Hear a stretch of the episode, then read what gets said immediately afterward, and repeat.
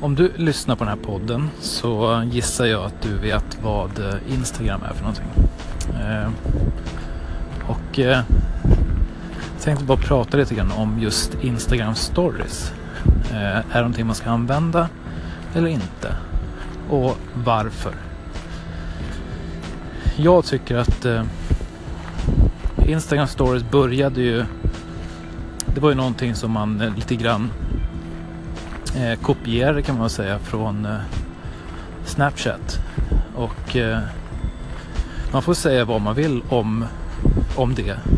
Jag tycker att Instagram är en bättre plattform. Även fast Snapchat är eh, också väldigt bra tycker jag. Eh, men att eh, det har ju fått en väldig, väldig spridning också just, just på Instagram. Och eh, jag gillar verkligen det här. Just att kunna dela med sig av det här lite mer råa, eh, ska man säga, det råa skitiga som, som man kanske upplever i sin, i sin vardag. det som inte alltid är så glamoröst eller eh, snyggt anordnat eller som man oftast kan få till med bilder just. Eh, du har hjälp av filter och, och eh, ja, andra saker också. Men just med stories så får man den här eh, verkliga bilden utav, utav just eh, det man vill visa. Och jag tycker att det är riktigt, riktigt häftigt hur man kan blanda då det här snygga flödet med med eh, schyssta bilder. Man lägger på filter och kanske Eh, lägger på en text eller eh, vad det nu kan vara. Och sen så har man stories som man använder sig av genom att eh, visa lite grann hur, hur man kanske arbetar eh, på kontoret eller eh, kan man kanske får en, en tanke som man vill vill snabbt dela med sig av när man är ute på stan eller vad det nu kan vara. Man får en blick utav en inblick i sitt vardagliga liv. Och jag tror att det många gånger målas upp en bild av att allting är perfekt och snyggt och eh, från vissa.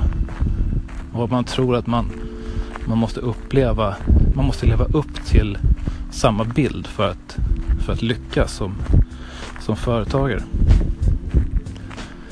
Men eh, det är inte riktigt så.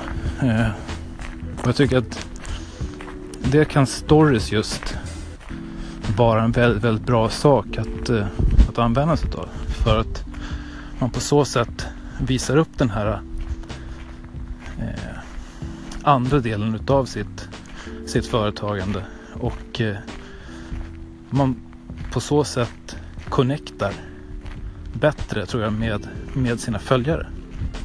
För de ser att eh, jaha, men eh, han eller hon är ju faktiskt precis som mig.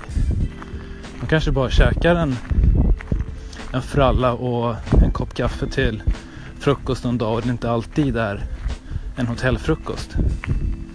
Eh, så att genom att använda sig av stories så upplever jag att man, man visar en bild som är en bild som är mera verklighetstrogen om man ska säga så. Eh, som inte målar upp och förskönar allting. Eh, som det, och det är inte, jag säger inte att, man, att det är det man vill göra eh, med bilder eller kanske med eh, studiofilmning eller hur man nu vill göra.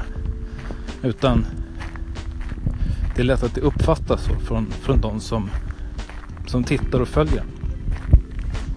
Så just med stories så får man den här eh, lite råa, skitiga känslan som jag, som jag var inne på lite grann i början. Och jag tror att den, det är många som eh, uppskattar det. Jag vet att jag gör det i alla fall. Jag tycker att det får även de största, som man säger, stjärnorna att eh, att kännas normala. Så att eh, det är mitt tips att börja använda sig av Instagram stories.